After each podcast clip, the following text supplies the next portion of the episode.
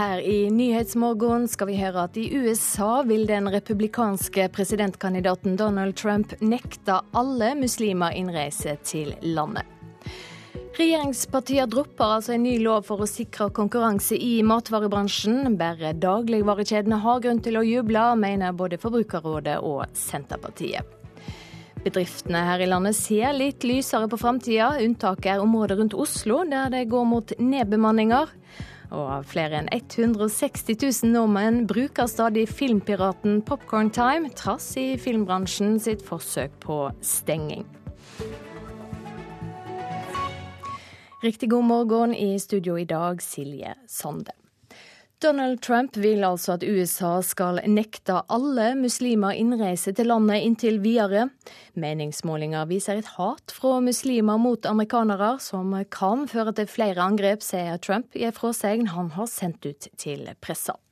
Uttalelsen fra Donald Trump om at alle muslimer bør nektes adgang til USA, ble sendt ut skriftlig til amerikanske medier. Kampanjeleder Corey Lewandowski ble spurt per e-post om innreiseforbudet også skulle gjelde studenter og turister. Han svarte at det gjelder alle. Allerede før et muslimsk ektepar i California massakrerte 14 mennesker i forrige uke, tok Trump til orde for å ta ut familiene til terrorister som straff. Det ble oppfattet som en oppfordring til å drepe familiene til terrorister, men i et intervju med fjernsynskanalen CBS på søndag presiserte Trump uttalelsen slik. Well, at least I would certainly go after the wives who absolutely knew what was happening. And I guess your definition of what I do, I'm going to leave that to your imagination. I det minste vil jeg gå etter konene, som helt sikkert vet hva som foregår.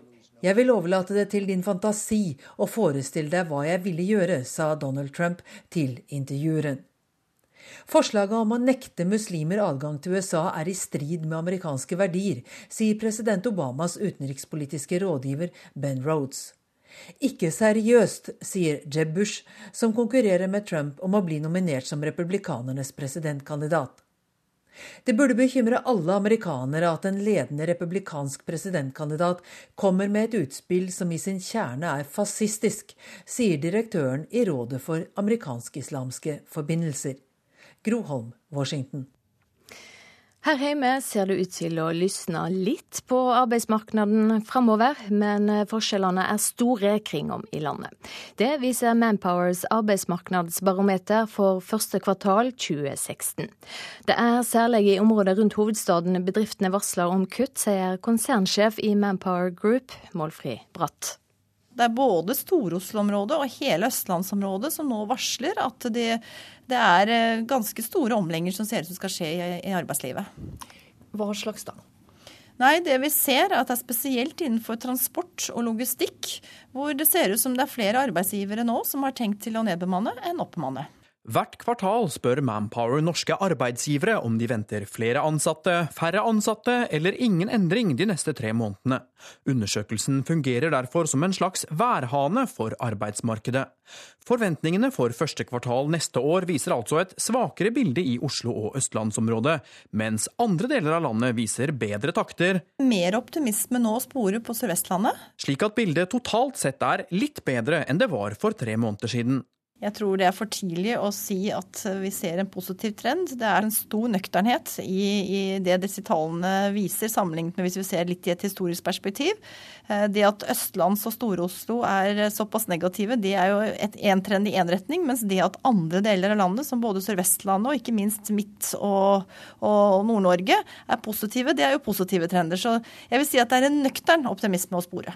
At optimismen i beste fall er nøktern, bekreftes langt på vei av Adil Osmani, som leder annonsetjenesten rubrikk.no.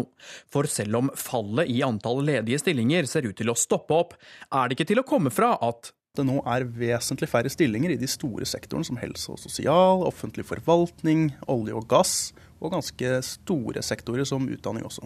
Og så eh, har det fortsatt ned i varehandel. Ja, vi registrerer at det er færre stillinger innen varehandel selv nå, når eh, juleshoppingen tar seg opp. Så hvis du er på jakt etter jobb, hvor skal du lete da? Her er Osmanis beste tips. I desember så er det flest ledige stillinger innen helse- og sosialsektoren.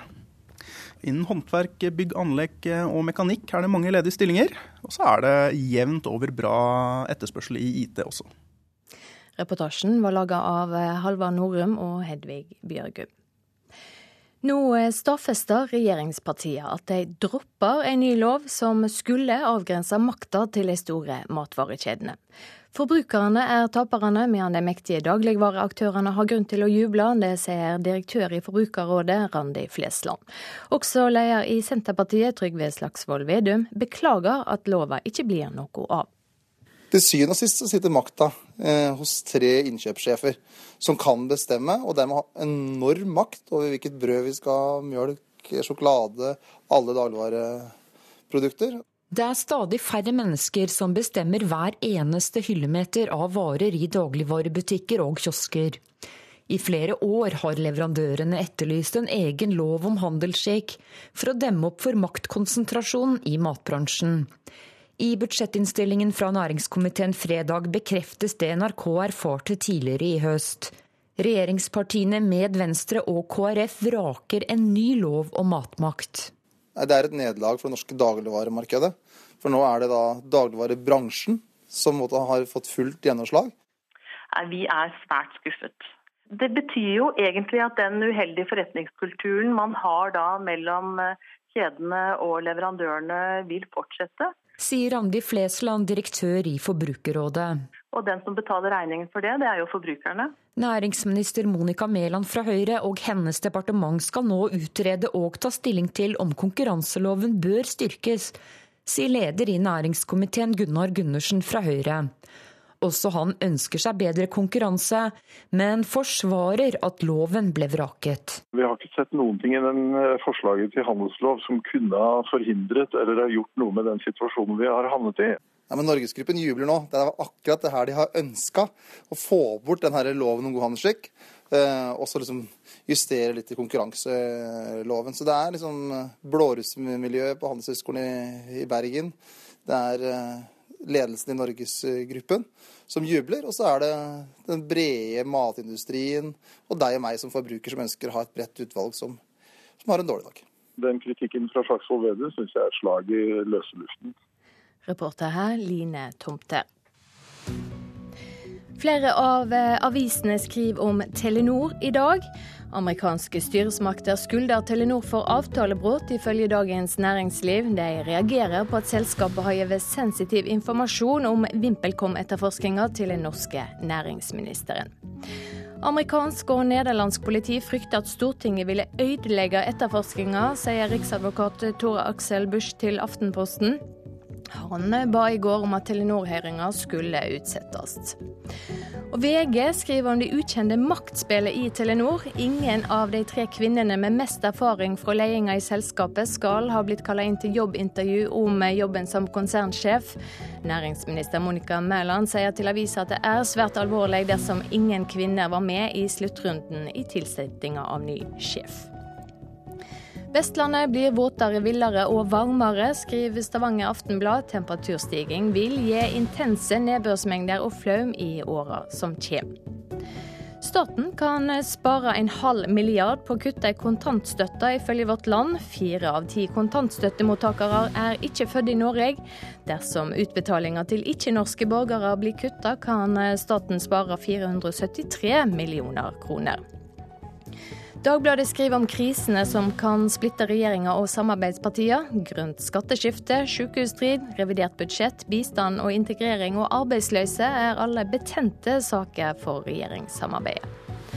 Krav om løsdrift i norske fjøs fører til mer import av biff, skriver Nasjonen. Produksjonen går ned, mens salget øker. Og om 20 år kan halvparten av storfekjøttet være importert, ifølge en ny rapport.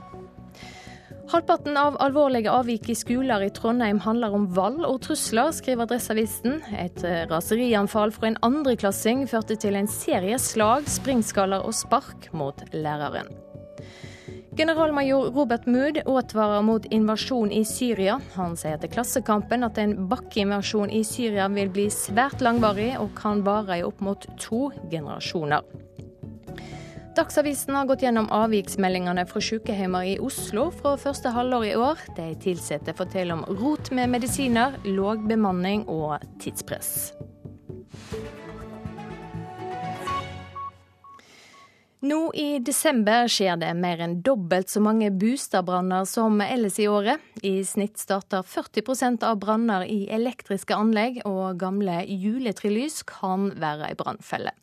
Med meg nå fagsjef i Foreninga for el- og IT-bedrifter, Nelfo, Jon Steinar Hanstad. Det er vel slik at de fleste av oss pakker vekk julelysa og tar dem opp igjen år etter år. Hva bør vi sjekke? bør sjekke kvaliteten på ledningene. Ta og Bøy litt på dem kjenn på dem. Eh, se at de ikke er tørre og sprukne. For eh, som du sier, så kan eh, dårlig juletrebelysning føre til, til brann i juletreet. Og det kan være en potent brannbombe du har i stua, rett og slett. Ja, og nå når det er så mørkt, så er det jo òg mange som lar stjerner og annet lys stå på om natta, ikke minst i vinduene. Er det greit? Eh, helst eh, ta ut det om natten også. Plugg ut alt, eh, alt du kan. Og hvis du ønsker at juletreet skal stå på når du kommer om morgenen, så bruk heller en, en timer på juletreet, sånn at det går av om natten og på om morgenen når du kommer opp i, opp i stuen for å ha den hyggen der. Da. Men kan vi ikke stole på at det vi kjøper i norske butikker er greit? Det er jo mange pappstjerner til dømes som, som blir solgt. Ja, eh, pappstjerner bør man helst styre unna. Eh, papp og elektriske installasjoner hører eh, dårlig sammen. Det som lønner seg, er å gå i faghandel og snakke med de som, de som, kan dette, og kjøpe kvalitet. Eh, heller legge noen flere penger i det når man kjøper det, så har man det litt lenger. Og, og være sikker på at du får kvalitet. Og så lønner det seg å sjekke at det har CE-merking på utstyret. Da vet man at man, eh, i hvert fall minste, minstekravene er, eh, er i orden. Så er det jo veldig mørkt, og mange av oss henger opp lys også ute. Hva bør vi passe på da? Da må man passe på å bruke utstyr som er egnet for å stå ute. Se brukerveiledningen fra utstyret man kjøper. Eh, og det vi ser er at en del kommer opp med sinnrike systemer for å beskytte eh, egentlig inneutstyr da, for bruk ute. Man putter, eh, putter vanlige skjøteledninger i isbokser og plastbøtter og lignende. Det er absolutt ikke å anbefale. Da må man heller kjøpe en skikkelig skjøteledning som er laget for å ligge ute, og henge opp den, sånn at den ikke fryser fast i bakken eller ligger, i, ligger direkte i vann. For det skal den heller ikke gjøre. Har du skrekkdømme på hva som kan skje?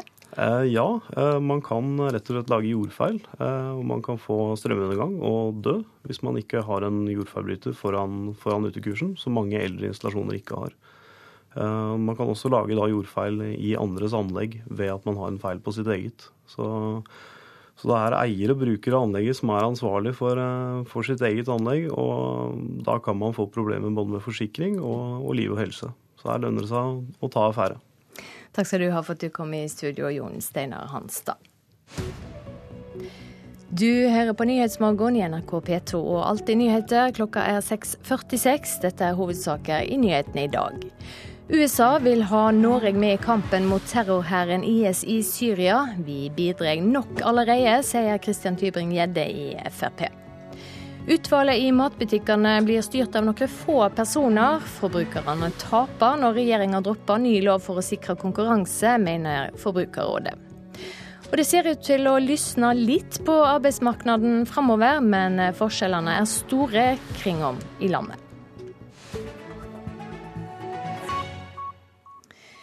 Ekstremværet Synne har ført til skader for flere titalls millioner kroner i Rogaland og Vest-Agder. Forsikringsselskapene Gjensidige, Trygg og If skadeforsikring hadde i går fått inn meldinger omkring 400 skader, og tallet er venta å øke.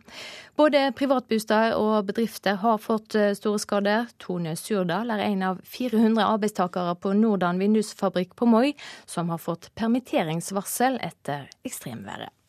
Det er helt, helt forferdelig. Alt av materialer og sånn, det er jo går fullt med vann, vet du. Så vi må gå gjennom alt og se om det er noe vi kan bruke og hvor vi må hive. Og... Skaden hos Nordan er en av de rundt 400 skademeldingene forsikringsselskapene Gjensidige, Trygg og If skadeforsikring i går hadde fått inn fra Rogaland og Vest-Agder. Det indikerer at det er gjort skade for minst 30 millioner kroner, men både antallet og summen kommer til å øke. Ja, jeg frykter at det kan bli en god del flere. Sier informasjonssjef i Gjensidige Arne Wold. Vi har så langt på de 100 skadene satt av ca. 10 millioner kroner. Det tilsier at eh, snittskaden er på 100 000 per skade. og Det er forholdsvis eh, mye. Så det er mange store skader her, for det har jo også vært veldig veldig mye vann. Disse bedriftsskadene kan jo fort bli store. og I tillegg så er det jo flere privatskader som kan komme opp i mange hundre tusen kroners-klassen. Og så har man også noen mindre. Så det er vel litt for tidlig å komme med en prislapp for, for vår del, men at det er snakk om mange millioner, det er helt klart sier også Emma Elisabeth Vennesland, som er assisterende informasjonsdirektør i If skadeforsikring. Gjengangeren er at eh, kjellerne står fulle av vann. Og så har vi også hatt flere tilfeller hvor eh, rom i første etasje er rammet. Og det går jo virkelig utover dagliglivet når enten kjøkken eller bad blir ødelagt, i tillegg til kjelleren. Nå tømmer kjeller for vann. Så nå blir det bra. Finn Hauge og kollegene hans i Sivilforsvaret i gang med å tømme kjelleren hos Svein Roald Tengesdal i Bjerkreim. Men det kan ta tid før folk kan ta boligene sine i bruk igjen. For å få ut vannet er bare første skritt, sier Vennesland i If. Så må man rive vekk bygningsdeler som er skadet, og så må man sette i gang en tørkeprosess. Man kan ikke starte gjenoppbygging før rett og slett det er blitt tørt. Så disse skadene kan ta tid, altså. Det må bare folk innstille seg på. Reporter her Marianne Terjesen. Og I formiddag dreg olje- og energiminister Tord Lien og kommunal- og moderniseringsminister Jan Tore Sanner til Sør-Vestlandet for å besøke stedene som har vært hardest rammet. God morgen, god morgen, Tord Lien. Hva skal du se i dag? God morgen, ja. Nei, eh, Jan Tore og Sanner og jeg reiser jo ned til eh, de regionene, eh, disse regionene, først og fremst til, til Egersund, for å uh, se på skadeomfanget. Um, for å vise at storsamfunnet bryr seg om de som nå har uh, fått skade på, på boligene sine men også for å gi honnør til både nasjonale beredskapsetater eh, og ikke minst i de kommunene som nå har, har stått i dette i de, i de siste dagene og tilsynelatende håndtert eh, situasjonen på en meget, meget god måte. På en måte som har sikra at ikke liv har gått eh, tapt. Hva skjer med disse stedene som er hardest råka? Vil de få ekstra hjelp? Det er klart at uh, storsamfunnet stiller opp når uh, lokalsamfunn blir eh, ramma av, uh, av, flom. I de dagene som ligger foran oss, så vil jo nasjonale beredskapsmyndigheter først og fremst sette inn sin innsats på å unngå at skadeomfanget øker.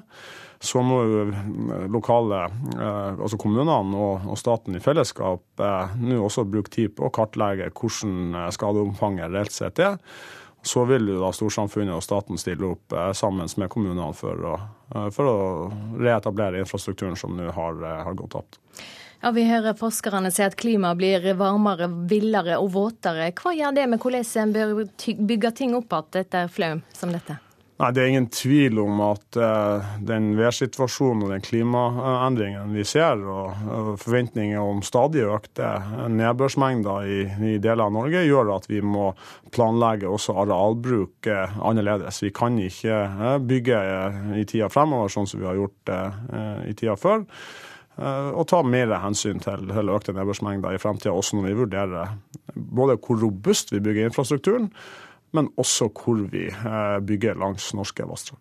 Men dette har vi jo hørt en stund. Blir reglene endra? Skjer det noe? Jeg oppfatter at eh, For det første så har vi jobba mye nå i denne regjeringa med å øke kunnskaps, kunnskapsgrunnlaget. Både, både øke forståelsen av hvordan vil dette nedbøren eh, komme og hvordan vil det påvirke vassdragene. Det gjør at både eh, regjeringa og staten, men ikke minst kommunene som har det daglige ansvaret for arealplanlegging, har et bedre kunnskapsgrunnlag for å planlegge disse tingene. Jeg oppfatter at bevisstheten om spørsmålene er, disse spørsmålene er stadig eh, økende. Takk skal du ha for at du kom i studio, Tord Lien. Filmpiraten Popcorn Time lever i beste velgående trass i norsk og internasjonal filmbransje sine forsøk på forbud og stenging. Nye tall viser at over 160 000 nordmenn bruker Popcorn Time minst en gang i veka. Here they come again.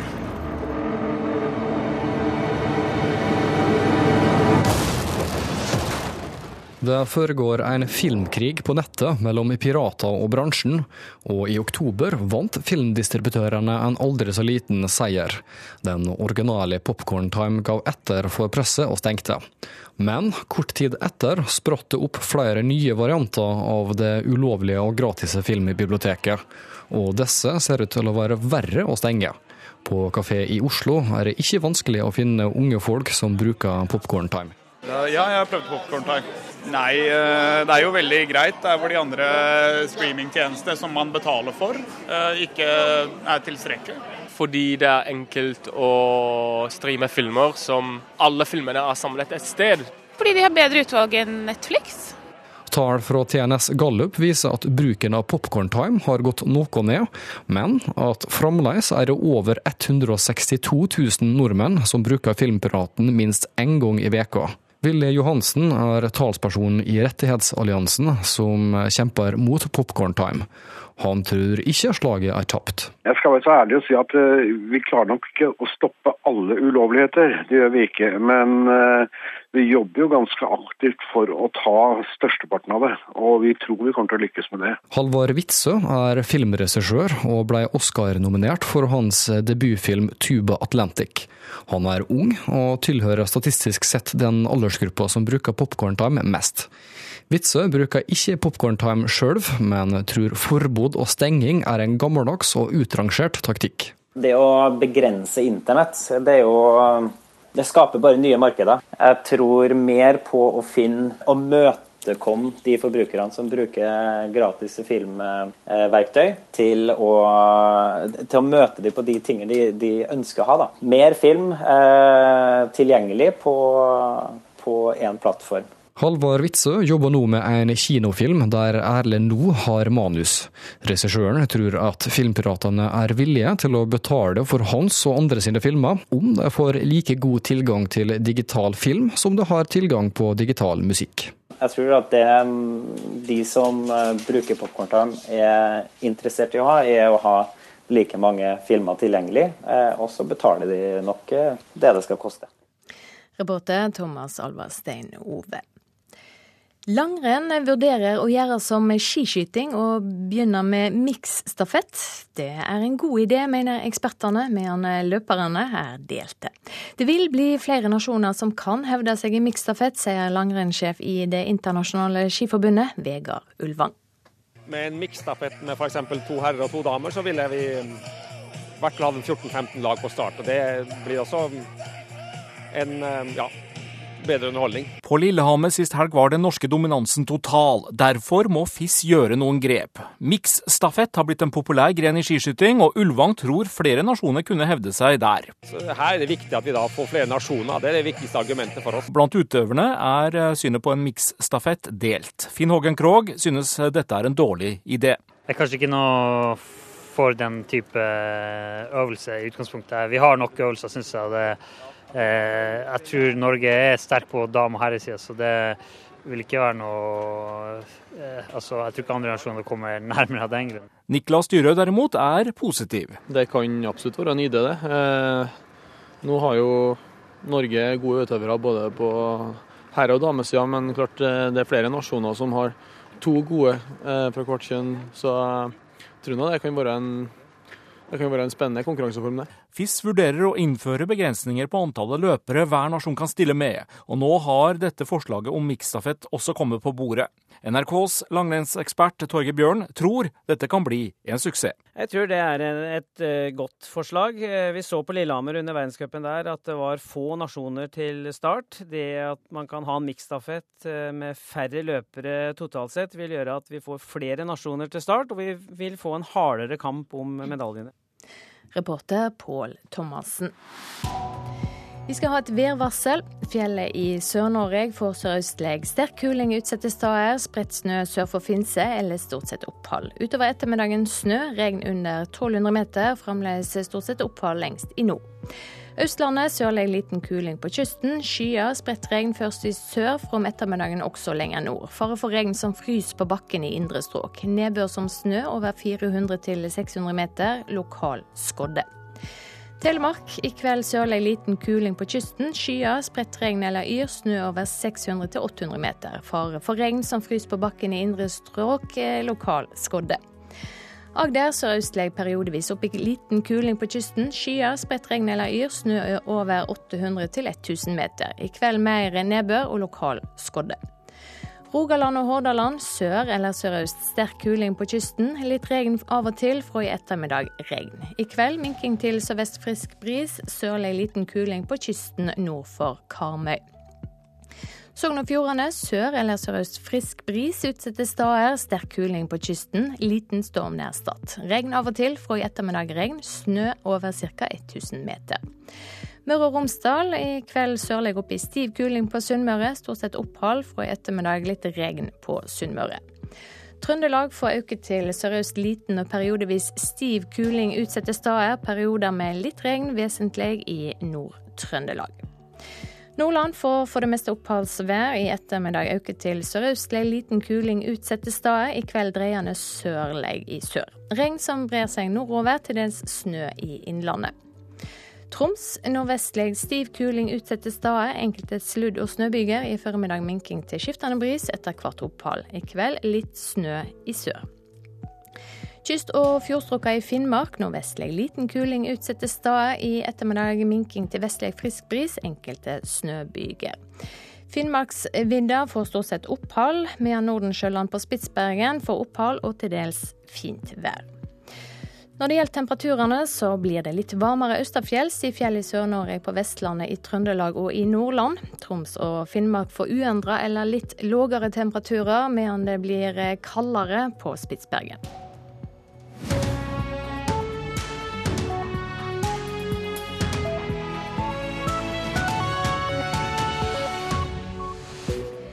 Her i Nyhetsmorgen blir det mer om hvordan forsvarsministeren vurderer et militært norsk bidrag mot terrorgruppa IS. I Libya er partene samlet om en avtale for å få slutt på borgerkrigen der. Og oljeprisen er lavere enn på sju år. Vi skal høre hvorfor det er slik. Norge er altså beden om å bidra i krigen mot IS i Syria. I Politisk kvarter var forsvarsminister Ine Eriksen Søreide forsiktig da hun svarte på om Norge kan komme til å sende jagerfly. Og vi må jo gjøre vurderinger både av det operative og tekniske, hva vi kan bidra med. Men vi må selvfølgelig også gjøre vurderinger av hva vi ønsker å oppnå med et bidrag. Og hvordan vi best kan bidra i en helhet. Og dette var jo en forutsetning også for bidraget vårt i Irak, som vi har i dag, hvor vi trener irakiske sikkerhetsstyrker. At det er en helhetlig innsats, ikke bare en militær innsats. Men er det noe praktisk i veien for at vi kan bidra med jagerfly eller spesialstyrker? Jeg skal ikke bidra til de spekulasjonene nå. Vi gjør helhetlige vurderinger av dette i regjeringa. Det er grundige vurderinger som må gjøres, og det er alvorlige tema. Det var det da vi bestemte oss for å bidra med trening eh, og kapasitetsbygging også. Tidligere Senterpartileder Åslaug Haga har et kjent sitat. Vi kan ikke overlate drittjobbene til USA og Storbritannia og bare ta de snille humanitære oppdragene selv. Hva tenker du om det? Det er jo en av grunnene til at vi bidrar militært i dag med kapasitetsbygging av irakiske sikkerhetsstyrker sammen med mange andre land. I tillegg til at vi bidrar både humanitært og også til å stoppe terrorfinansiering og fremmedkrigere, som er veldig viktige sider av det både Sikkerhetsrådet og Norge har vært opptatt av. SV-leder Audun Lysbakken, hva bør Norge svare? Jeg vil advare mot uh, å la Norge trekkes inn i uh, enda en krig. Uh, nå skal vi selvfølgelig se hva det regjeringen eventuelt kommer med først. Men erfaringene fra de siste 15 årene altså at Norge har gått inn i tre kriger i si, det utvidede Midtøsten, og ingen av de har gått særlig bra. Både i Afghanistan, i Irak og i Libya så har resultatet av vestlige intervensjoner eh, blitt at eh, vondt har blitt verre, istedenfor at en har greid å bekjempe terrorismen. Og den lærdommen må ligge veldig tungt på oss nå, så vi ikke gjentar de feilene en gang til. Og det vi ser i krigen mot ISIL, som vi jo i utgangspunktet støtter, det jo ingen som ikke ønsker å se ISIL bekjempet, det at Vesten nok en gang går inn i en krig uten en klar plan for hvordan en faktisk skal skape en bedre situasjon på sikt. Er konsekvensen av det du sier at du vil at Vesten skal slutte å bombe IS?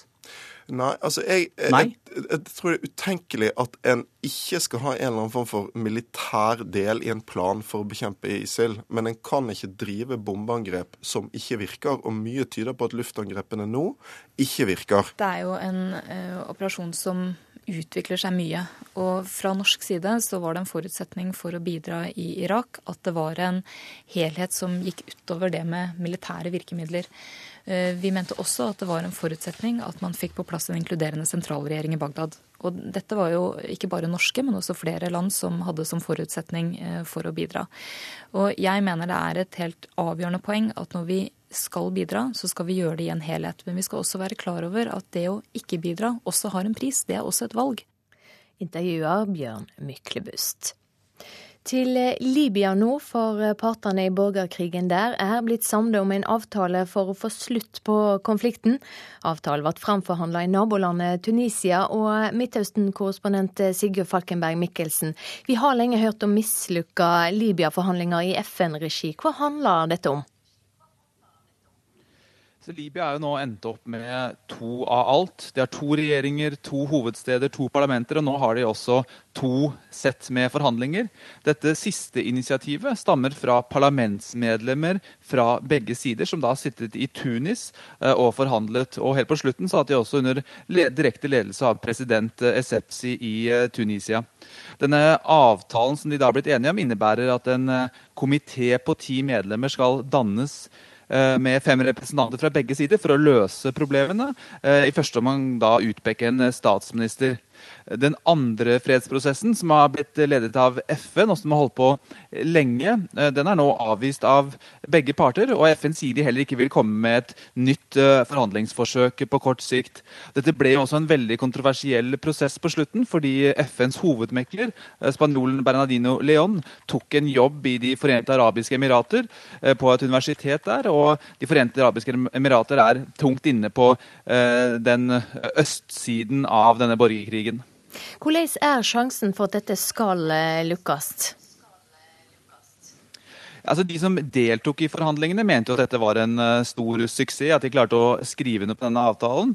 Og at det var en libysk suksess uten utenlandsk uh, innblanding. Og de som deltok, snakker jo dette veldig opp. Men det er mye mye internkritikk, til og med fra parlament, sentrale parlamentsmedlemmer i den internasjonalt anerkjente regjeringen som sitter i Øst-Libya, og har kalt dette initiativet for barnslig.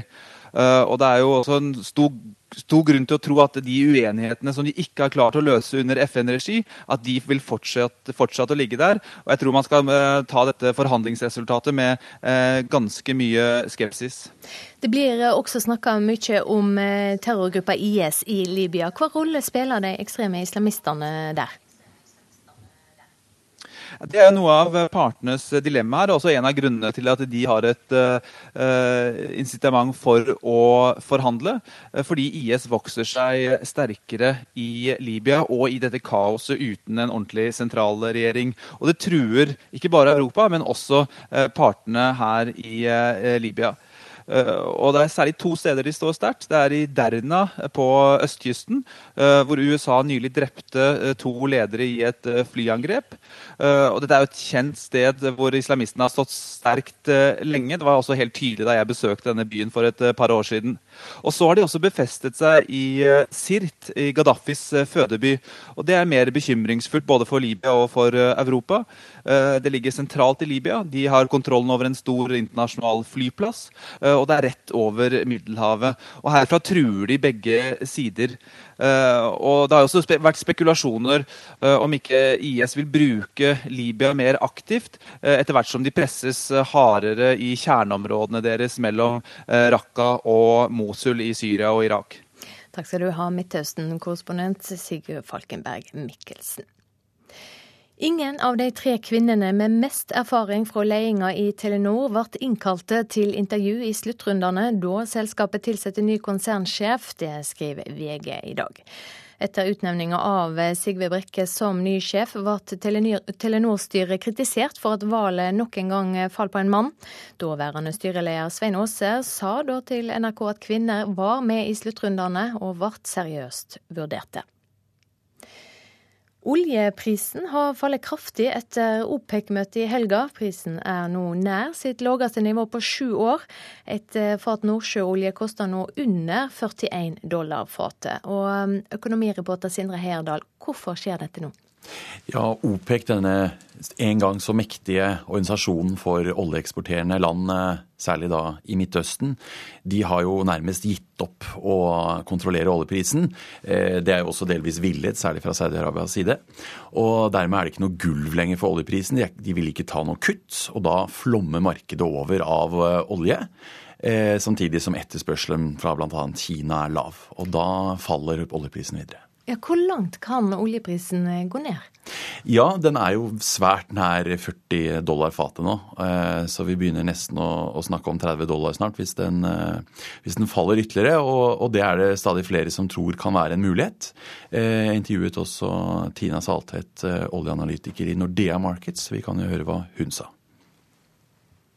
Det er jo altfor mye olje i markedet. Eh, det er jo spesielt OPEC-landene som pøser på med billig olje ut i markedet. Det er strategien deres. Eh, det de sier de vil gjøre, og gjør, det er jo at eh, de skal tilby billig olje til markedet for å skvise ut de dyrere konkurrentene. Og vi i Norge er jo bl.a. en av de dyrere konkurrentene. Og Er det noe risiko her også for at oljeprisen kan falle ned på 30-tallet? Vi begynner jo å nærme oss. Ja, Oljeprisen kan eh, i verste fall falle under 40 eh, dollar fatet. og Da skal vi tilbake til finanskrisen for å se så lave tall som vi ser nå. Uh, Sindre, det er stadig flere her i landet som mister eh, oljejobben sin. Hvor ille er det nå?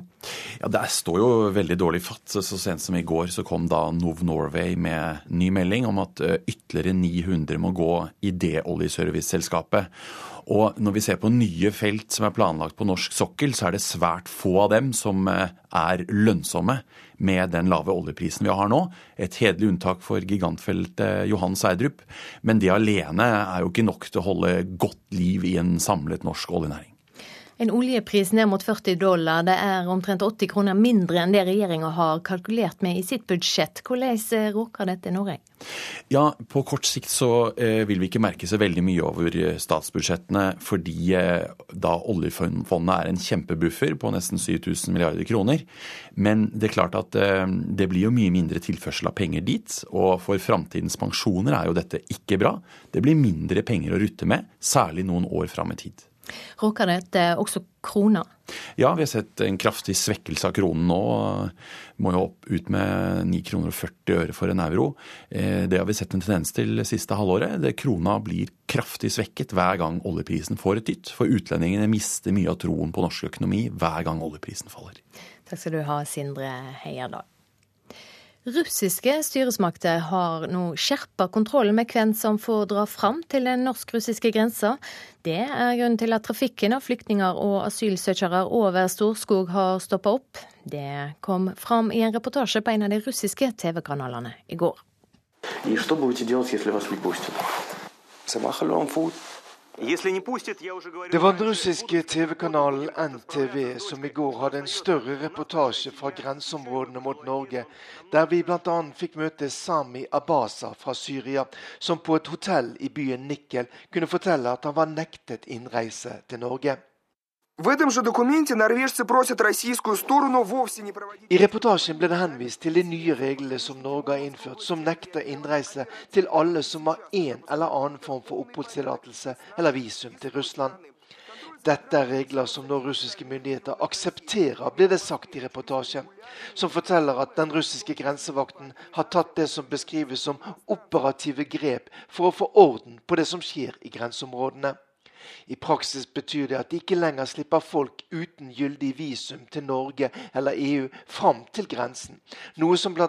har vært et ønske fra norske myndigheter, framført senest under møter i det russiske migrasjonsdirektoratet, tilsvarende det norske utlendingsdirektoratet, i forrige uke.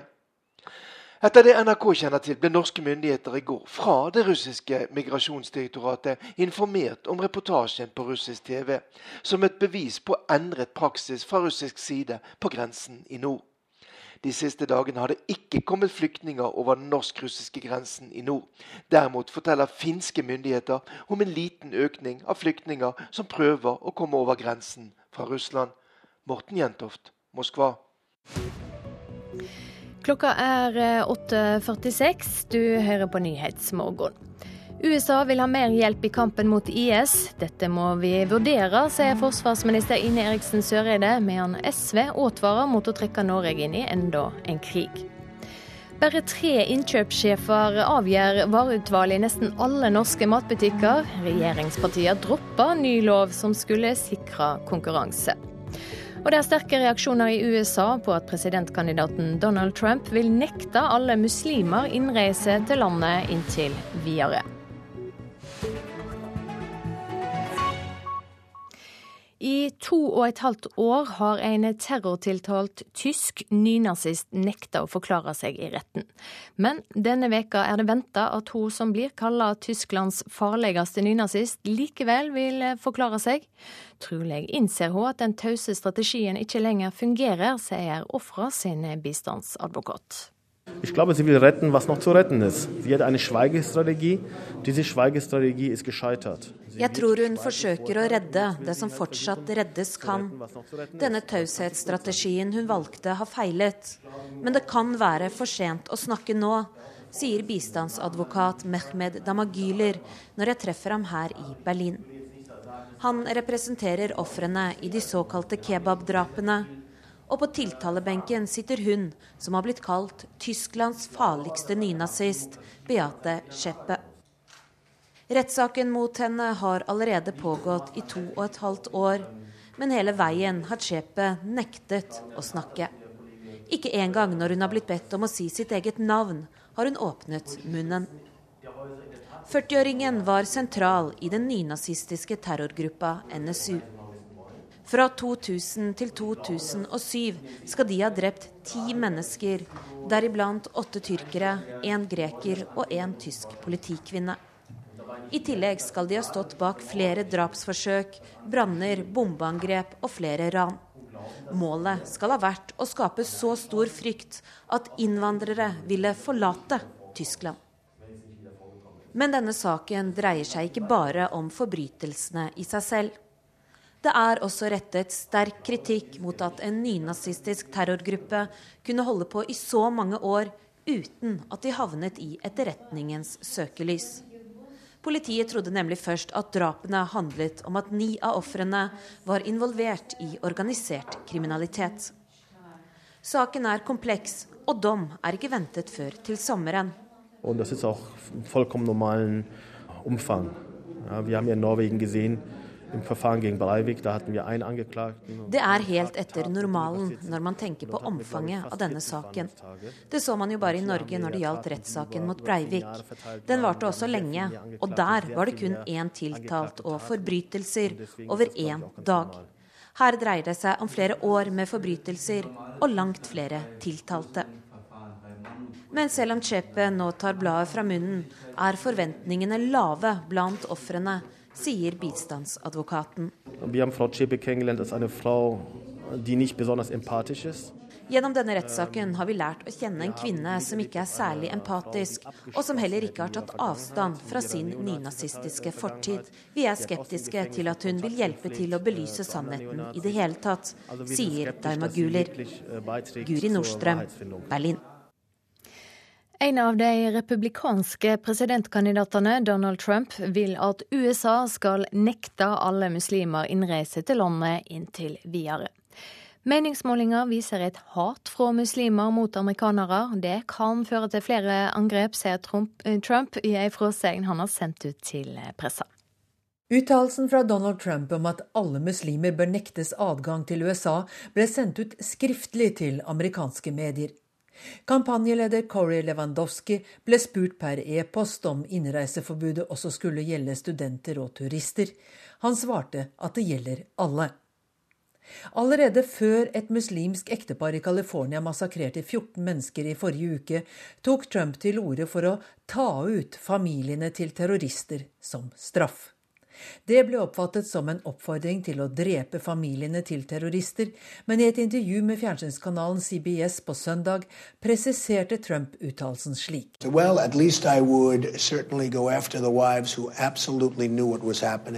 And I guess your definition of what I do, I'm going to leave that to your imagination. I det minste vil jeg gå etter konene, som helt sikkert vet hva som foregår. Jeg vil overlate det til din fantasi å forestille deg hva jeg ville gjøre, sa Donald Trump til intervjueren. Forslaget om å nekte muslimer adgang til USA er i strid med amerikanske verdier, sier president Obamas utenrikspolitiske rådgiver Ben Rhodes. Ikke seriøst, sier Jeb Bush, som konkurrerer med Trump om å bli nominert som republikanernes presidentkandidat. Det burde bekymre alle amerikanere at en ledende republikansk presidentkandidat kommer med et utspill som i sin kjerne er fascistisk, sier direktøren i Rådet for amerikansk-islamske forbindelser. Groholm, Washington. Her hjemme stadfester regjeringspartiet nå at de dropper en ny lov som skulle avgrense makta til de store matvarekjedene. Forbrukerne er taperne, mens de mektige dagligvareaktørene har grunn til å juble. Det sier direktør i Forbrukerrådet, Randi Flesland. Også leder i Senterpartiet, Trygve Slagsvold Vedum, beklager at lova ikke blir noe av. Til syvende og sist så sitter makta hos tre innkjøpssjefer som kan bestemme, og dermed ha enorm makt over hvilket brød vi skal ha, mjølk, sjokolade, alle dagligvareprodukter. Det er stadig færre mennesker som bestemmer hver eneste hyllemeter av varer i dagligvarebutikker og kiosker. I flere år har leverandørene etterlyst en egen lov om handelsskikk for å demme opp for maktkonsentrasjon i matbransjen. I budsjettinnstillingen fra næringskomiteen fredag bekreftes det NRK erfarte tidligere i høst. Regjeringspartiene med Venstre og KrF vraker en ny lov om matmakt.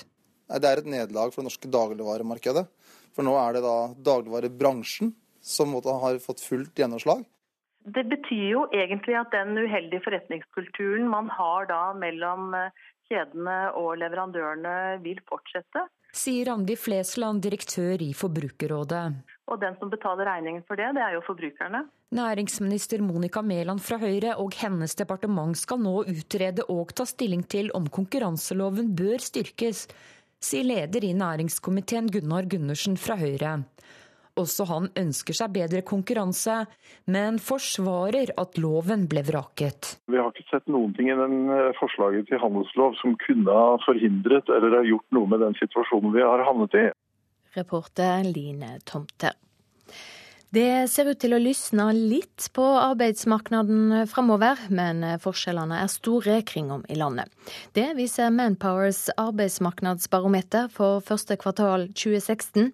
Det er særlig i området rundt hovedstaden bedriftene varsler om kutt, sier konsernsjef i Manpower Group, Målfri Bratt. Jeg tror det er for tidlig å si at vi ser en positiv trend. Det er som sagt en stor nøkternhet i, i det disse tallene viser, sammenlignet med hvis vi ser litt i et historisk perspektiv. Eh, det at Østlands- og Stor-Oslo er såpass negative, det er jo én trend i én retning. Mens det at andre deler av landet, som både Sør-Vestlandet og ikke minst Midt- og, og Nord-Norge, er positive, det er jo positive trender. Så jeg vil si at det er en nøktern optimisme å spore.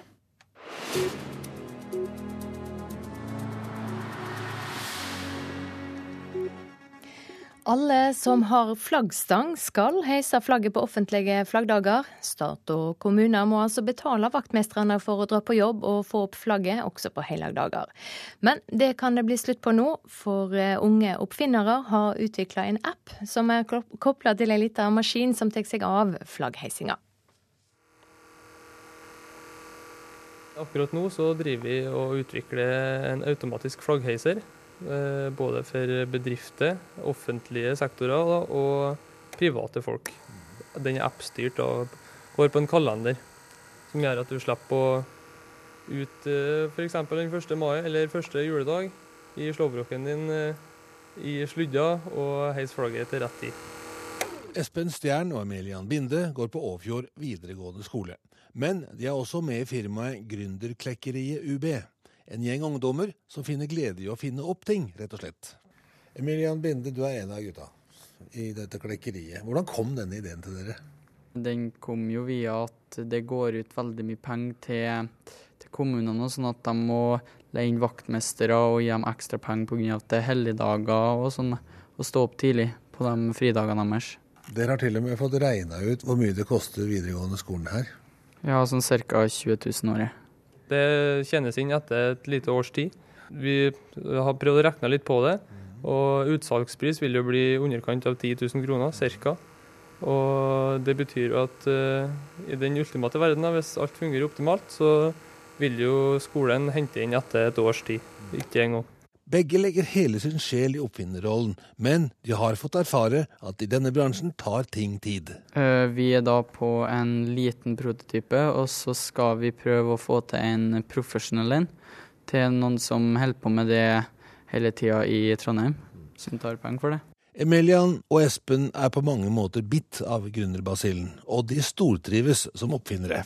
Eh, ja, det er veldig spennende og artig når det virkelig begynner å komme langt med. Og finne det opp og få sånne her eh, prototyper og sånn, og se hvor langt det kommer. Reporter her Ståle Ytrehus. Da har jeg fått besøk i studio av eh, statsmeteorolog Siri Wiberg Horjen, og det er mildvær på vei? Ja da, det er det. Det er en varmfront som passerer over Sør-Norge og kommer så vidt inn i Nordland. Og det fører til varm sektorvær i hele Sør-Norge i dag, og det er mildt og grått og vått. Vi kan jo se litt eh, mer på detaljene, og det betyr at det eh, vil blåse fra sør og sørøst da i Sør-Norge. og eh, det kommer eh, regn og yr, økende nedbør på Vestlandet, og det vil også blåse perioder med sterk kuling langs kysten her. Østafjell så kan nedbøren komme som regn som fryser på bakken i indre strøk nå første del av dagen. Det blir lite nedbør i Trøndelag og Møre og Romsdal. Mens i eh, Nordland øker vinden på fra sør-øst med etter hvert liten kuling, og det kommer inn regn også her utover dagen. Snø i de indre strøkene. Og så blir det noen sludd- og snøbyger i Finnmark og Troms. Minkende vind fra nordvest. Og Spitsbergen får eh, pent vær faktisk i dag.